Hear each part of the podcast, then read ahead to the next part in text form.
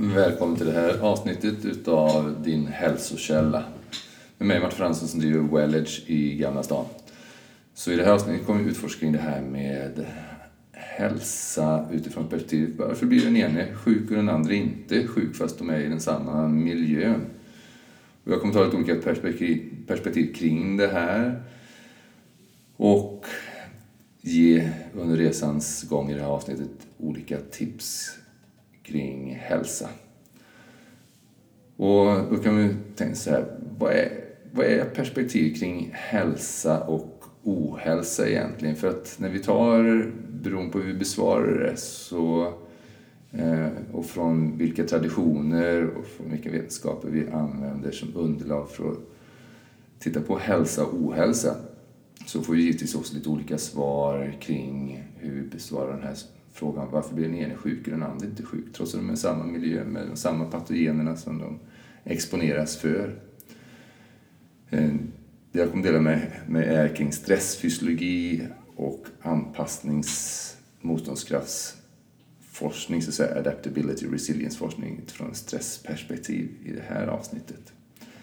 Så men givetvis är det viktigt för dig själv. Hur ser du på hälsa? Vad är det som avgör om man blir sjuk eller inte sjuk och vad är sjukdom egentligen? Är sjukdom bara att man blir exponerad för någon patogen? Och sen så blir man per automatik sjuk.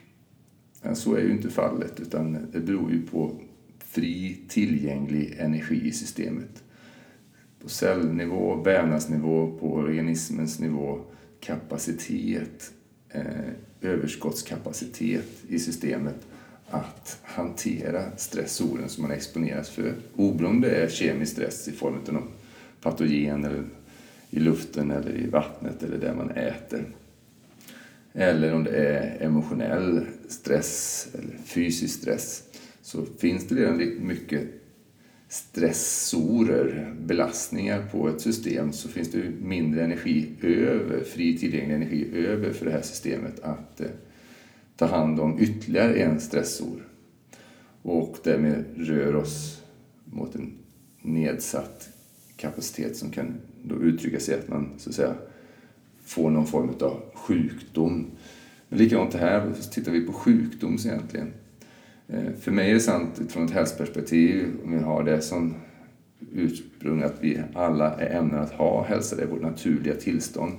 Vilket är en funktion utav att alla celler fungerar till 100% av sin kapacitet. Koordinerade i de vävnader in i den organism som de ingår till 100% välkoordinerat, 100% av tiden fungerar till 100% av sin kapacitet. Ja, då är ju så att säga, sjukdomar när organismen så att säga, fungerar till en, på en lägre nivå eller fungerar till sin fulla kapacitet men är i en läkningsprocess. Det vill säga arbetar med de stressorer, de belastningar som ingår i att vara i livet där vi exponeras för saker och ting hela tiden. Inklusive bara en sån enkel sak som att andas så exponeras vi för syre. Många ämnen som vi hela tiden är exponerade för är stressorer för våra celler. Eh, och det är hur pass väl systemet klarar av att hantera detta. Och bli starkare och mer kapabelt att möta detsamma stressorer än mer energieffektivt, än mer elegant. Det är då vi utvecklar vår motståndskraft, vår anpassningsförmåga och därmed vår, utveckla vår hälsopotential, vår hälsokapacitet. Och ju bättre hälsokapacitet vi har, desto mer kan vi också ha vi överskottsenergi. Att inte bara möta nya stressor utan välja det som är roligt och närande och göra det som vi är ämnade för att vara här på jorden och göra. Sånt som jag håller för sant. Och, för vi föds ju alla in i en kropp Ursprungligen är det två celler som möts. Cellerna delar sig. Det finns en inbyggd kod för hur cellerna ska fungera och i interaktion med miljön för hur de organiserar sig i olika vävnader och blir en levande organism som har en viss möjlighet till hur lång tid vi kan leva och med vilken potential vi har. Vi har olika genetiska förutsättningar men det är mycket hur de här genetiska förutsättningarna aktiveras, slås på eller inte slås på beroende på hur vår livsmiljö är, både den inre och den yttre livsmiljön. Och det inbegriper våra känslor och tankar också, hur vi förhåller oss till eh, saker och ting. Hur vi till exempel förhåller oss till patogener. Tror vi att alla är, är farliga eller ofarliga eller vi har en ödmjuk respekt för dem och lär oss hur, vilka patogener, vilka stressorer, hur ska vi möta dem på bästa sätt.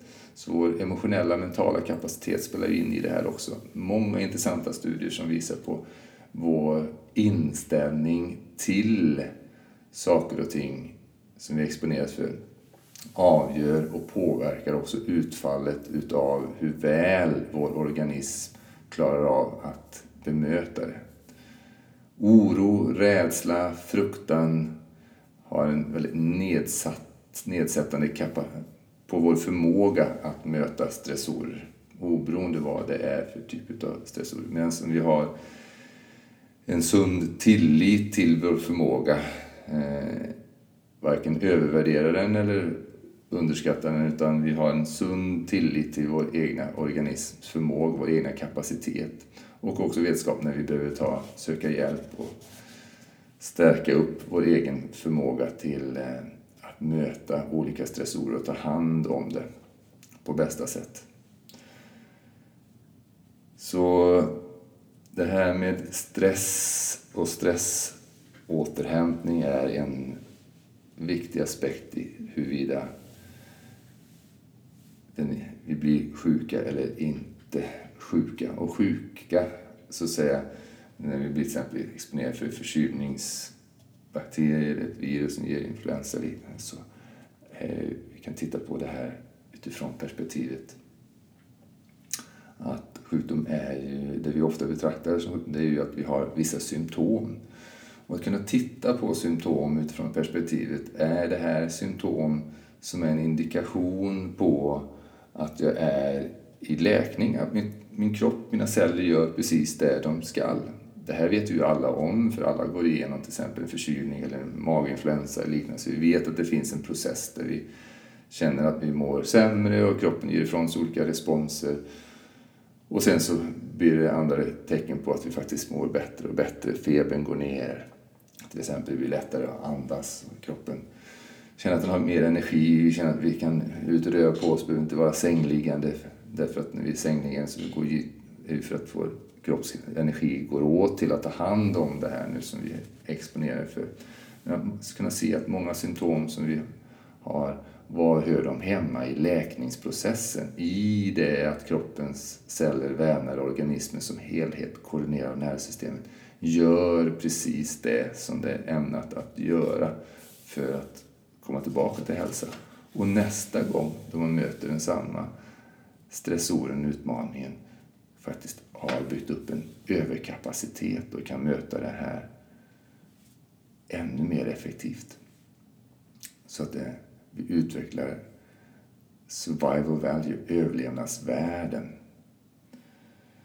Så några intressanta perspektiv som jag tycker kring det här med hälsa och varför den ene blir sjuk och den andra inte är sjuk. Så är det till exempel en person som aldrig blivit exponerad för olika, en viss patogen men den andra personen har blivit det, ja, då är det högst mycket större sannolikhet att den som inte blivit exponerad för den här patogenen utvecklar någon form av reaktion medan den andra inte gör det.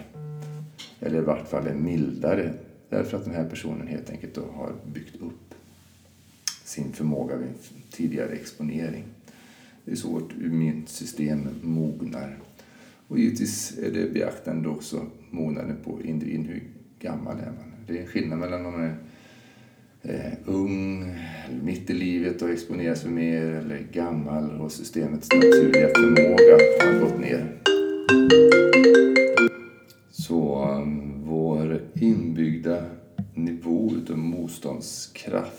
Vi är ju var vi är i livet. Och det är ju den inbyggda motståndskraften i cellerna, i vävnaden, i organismens inneboende intelligens som har utvecklat som är avgörande för hur väl vi klarar av att anpassa oss till stressorer. Huruvida en stressor blir mer nedbrytande än uppbygglande för systemet. Där. Så att initialt kan ju någonting delvis göra att det bryter ner vårt system, men sen blir vi faktiskt starkare utav det. Men när vår motståndskraft har gått ner och det finns mindre fri tillgänglig energi och kapacitet i systemet, ja då kan ju det bli att det sakta men säkert blir en nedgradering, det blir en ständig liten nedbrytning utav vårt system. Det är ofta det vi brukar tillskriva att kalla åldrande. Men det är inte kanske med nödvändighet att man ska likställa de här två processerna utan vi kan eh, långt upp i åren så kan våra celler replikera sig och skapa hundraprocentiga kopior. Vi lär oss mer och mer om de här processerna, om vad som är möjligt i att vara levande organismer och vad som faktiskt finns möjligt i vår genetiska kod för att uttrycka vår fulla potential. Och när man tänker på kiropraktik så tänker man, finns det olika perspektiv kring kiropraktik?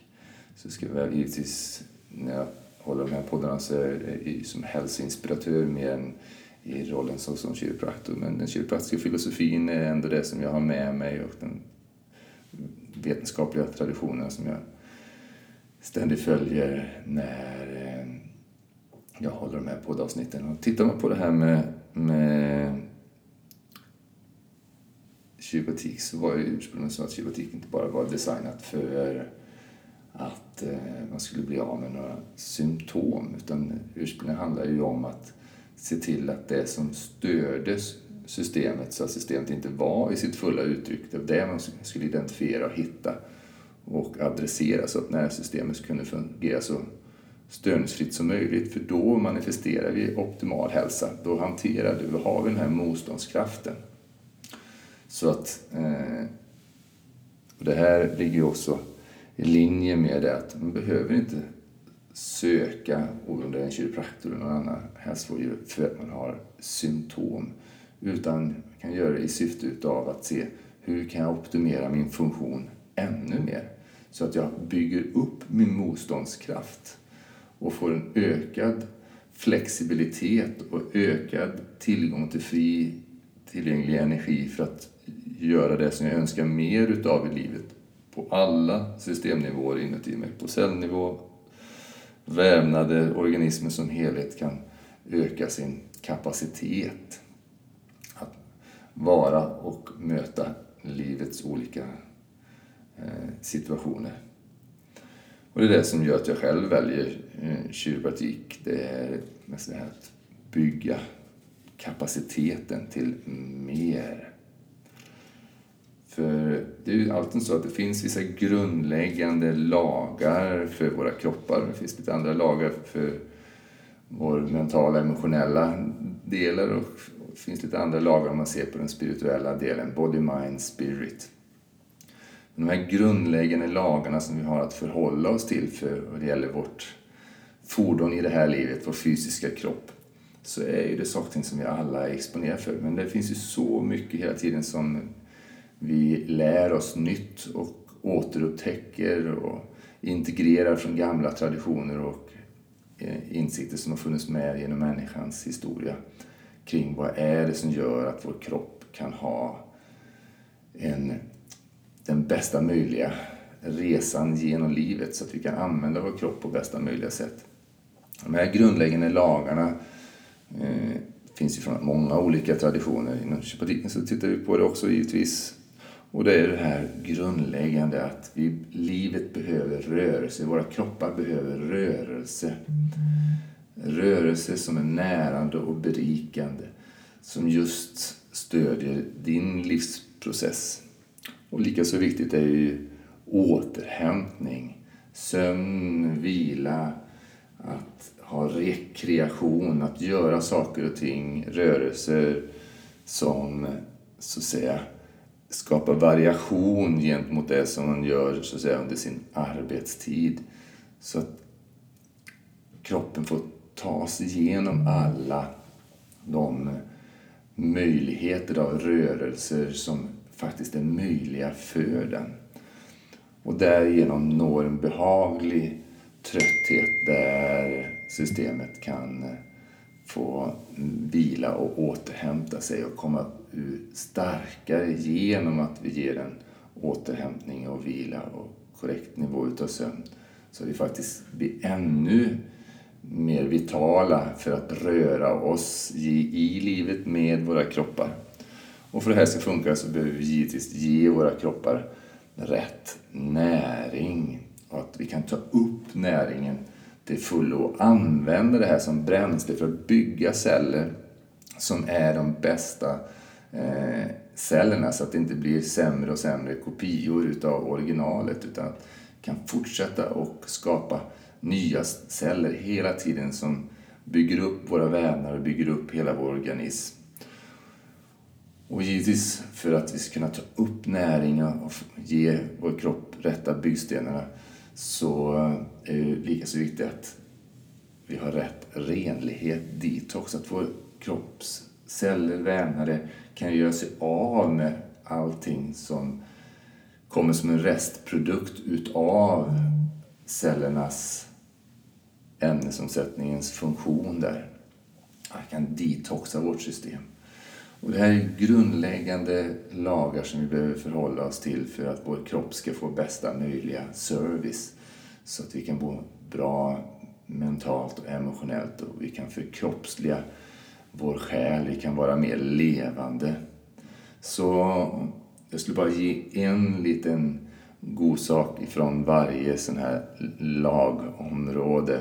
Så är det så här, hur skulle det vara, vad är det för några rörelser som du skulle kunna göra idag för din kropp som är annorlunda än vad du normalt sett gör? Utan att översträcka kroppen. Men hur, tänk du skulle låta din kropp få gå igenom alla de rörelser som den har möjlighet till varje dag. Utforska. När var det sist du spretade med tårna? Grep med tårna? När var det sist du plockade kulor med tårna? När var det sist du gick barfota i gröngräset? Låta till exempel dina fötter få ta sig igenom olika rörelser, dina tår ta sig igenom olika eh, rörelser som de inte har gjort tidigare. Det kan bara vara när man sitter där hemma i soffan eller på stolen när du lyssnar på det här nu. Stanna upp och se hur kan jag röra mina tår och fötter? Kan jag spreta med tårna? Kan jag få mina lilltår att peka ut? För när vi gör rörelser som är så att säga sådana som vi sällan gör så skapar vi vitalitet i hjärnan. Vi väcker upp nya banor, nya nervförbindelser börjar skapas där. Så att gör rörelser som är annorlunda. Det är därför det är så otroligt vederkvickande, inte bara för kroppen utan även för hjärnan, för knoppen. När vi gör rörelser som är nya för oss, vi lär oss nytt. Så vad kan du lära dig för något nytt som du inte gjort tidigare med kroppen? Vad är det för några rörelser som ska kunna lära dig nytt? Om du bara tittar på Wellets Youtube-kanal så delar jag med mig där utav diverse olika rörelser, minipauser för vardagen som man kan göra för att låta kroppen gå igenom olika rörelsemönster som är välgörande. Varför inte lära dig det som blir allt mer populärt, yoga, qigong, andra rörelser, någon ny dans, testa på. Och också återhämtning. Har du provat att bara ta små stunder varje dag där du blundar? Så fort vi blundar så ställs saker och ting om. På bara några sekunder så ska vår hjärna börja producera med alfavågor som är ett tecken på att återhämtning sker. När vi blundar och andas i lugnt tempo så direkt börjar våra celler fungera annorlunda. Det här inflödet och utflödet av mineraler, natrium-kaliumpumpen, som ser till att cellernas elektropotentialer där skiftar. Så det blir en återhämtning i cellerna genom vissa enkla inputar. En sån enkel sak som att blunda kan ge en signal till dina celler om att nu är det dags att vara på batteriladdning. Att ge sig själv stunder, tre, fem, sju minuter några gånger om dagen, där du bara blundar och är närvarande till din kropp och låter den få ladda batterierna. Precis som du laddar batteriet på din mobil eller annan apparatur så behöver också din kropp ladda batteriet. Och att kanske göra det mer än enkom under sömnen. Så ett varmt tips där. Och näring. När testar du någonting nytt kring att ge din kropps celler bränsle? En litet tips som jag vill dela med mig om idag handlar om det här grundnäringen som eh, alla växter har som fundament. Så när livet bryts ner utav bakterier, utav fungi, så bildas humussyra och fulvosyra, humic and fulvic acid. Det här organiskt material som har brutits ner till sina minsta beståndsdelar men strukturerar sig på ett sätt som är essentiellt för att de också kan tas upp och ge näring för nytt liv igen. Tyvärr så i och med hur vi bedriver jordbruk idag så utarmas jorden allt mer på det här. Så att den här rika mängden utav närsalter i den här formen inte längre ges. Utan oftast ger vi bara några fåtal närsalter till för att saker och ting ska kunna växa som vi sedan köper i våra butiker. Så en varm rekommendation att utforska humic and fulvic acid, humussyra och fulvosyra som ett näringstillskott för att få i alla de här närsalterna. Över 70 närsalter som vi kan ge cellerna för att de ska kunna bygga den energin. Och i det så blir det också lättare när vi ger så att säga komposterat, nedkomposterat det växter och djur som är som torv som har förfinats och raffinerats så att vi kan ta det i tillskott antingen flytande eller i kapselform så eh, stödjer också tarmarna och cellernas kapacitet till avgiftning. Den fjärde viktiga lagen, det här med att kunna detoxa, att rensa ut. Det behövs tillräckligt mycket energi i vårt system för att det ska vara en kapacitet, tillräcklig kapacitet för att detoxa också. Så om vi inte har tillräckligt mycket energi i vårt system så blir det svårare för organismen att detoxa sig. Så det här är ett varmt tips där, men också på det här med renlighet. När sist gjorde du en torrborstning av din hud? När du borstar av det här ytterlagret utav din hy med en borste, man kan ta en handduk och använda någonting som är lite, lite räffligare som du borstar i cirkelrörelse över hela kroppens Huden är vårt största organ för utrensning. Vi har ju tarmarna, njurarna, lungorna och huden. Vi har olika utrensningssystem och huden är det största. Att hjälpa huden att kunna göra sig av med avskräde. Så torrborsta din hy. Bara som en varm rekommendation att utforska och testa vad händer då med din energinivå och din vitalitet när du borstar bort döda celler och låter toxiska ämnen få rensas bort ännu mer. Så några tips kring rörelse, återhämtning, näring och renlighet, detox. Och för mig är det sant, som återkoppling till den här första biten, att vad är det som gör den ene sjuk och den andra kan vara frisk med samma exponering i samma miljö? Ja, en bit hänger ju samman med givetvis även det här, hur pass väl följer vi de naturliga lagarna? Hur pass väl tar vi hand om vår kropp eh, och gör saker och ting som genom årtusenden man har sett är väldigt närande och berikande och stödjande. Och var och en får ju utforska och finna ut vad är det som stödjer just den. Men jag ger med mig några tips som kan vara väl värda att utforska och se vad gör det för någon skillnad för dig i ditt välmående. Tack för att du tar dig tid att lyssna på hela det här poddavsnittet och kommer fortsätta kommande avsnitt och prata om det här med adaptability och resilience och de olika lagbundenheterna. ge tips om hur kan utforska vad olika saker gör för någon skillnad för dig i ditt liv. Och har du gillat det här så varm rekommendation, gilla den också så fler kan eh, hitta till Wellers hälsopodd, din hälsokälla.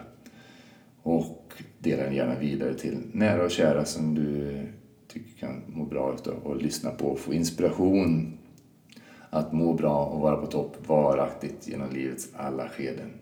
Att bygga upp sin motståndskraft för att kunna leva ett än mer njutbart liv. Tack för nu.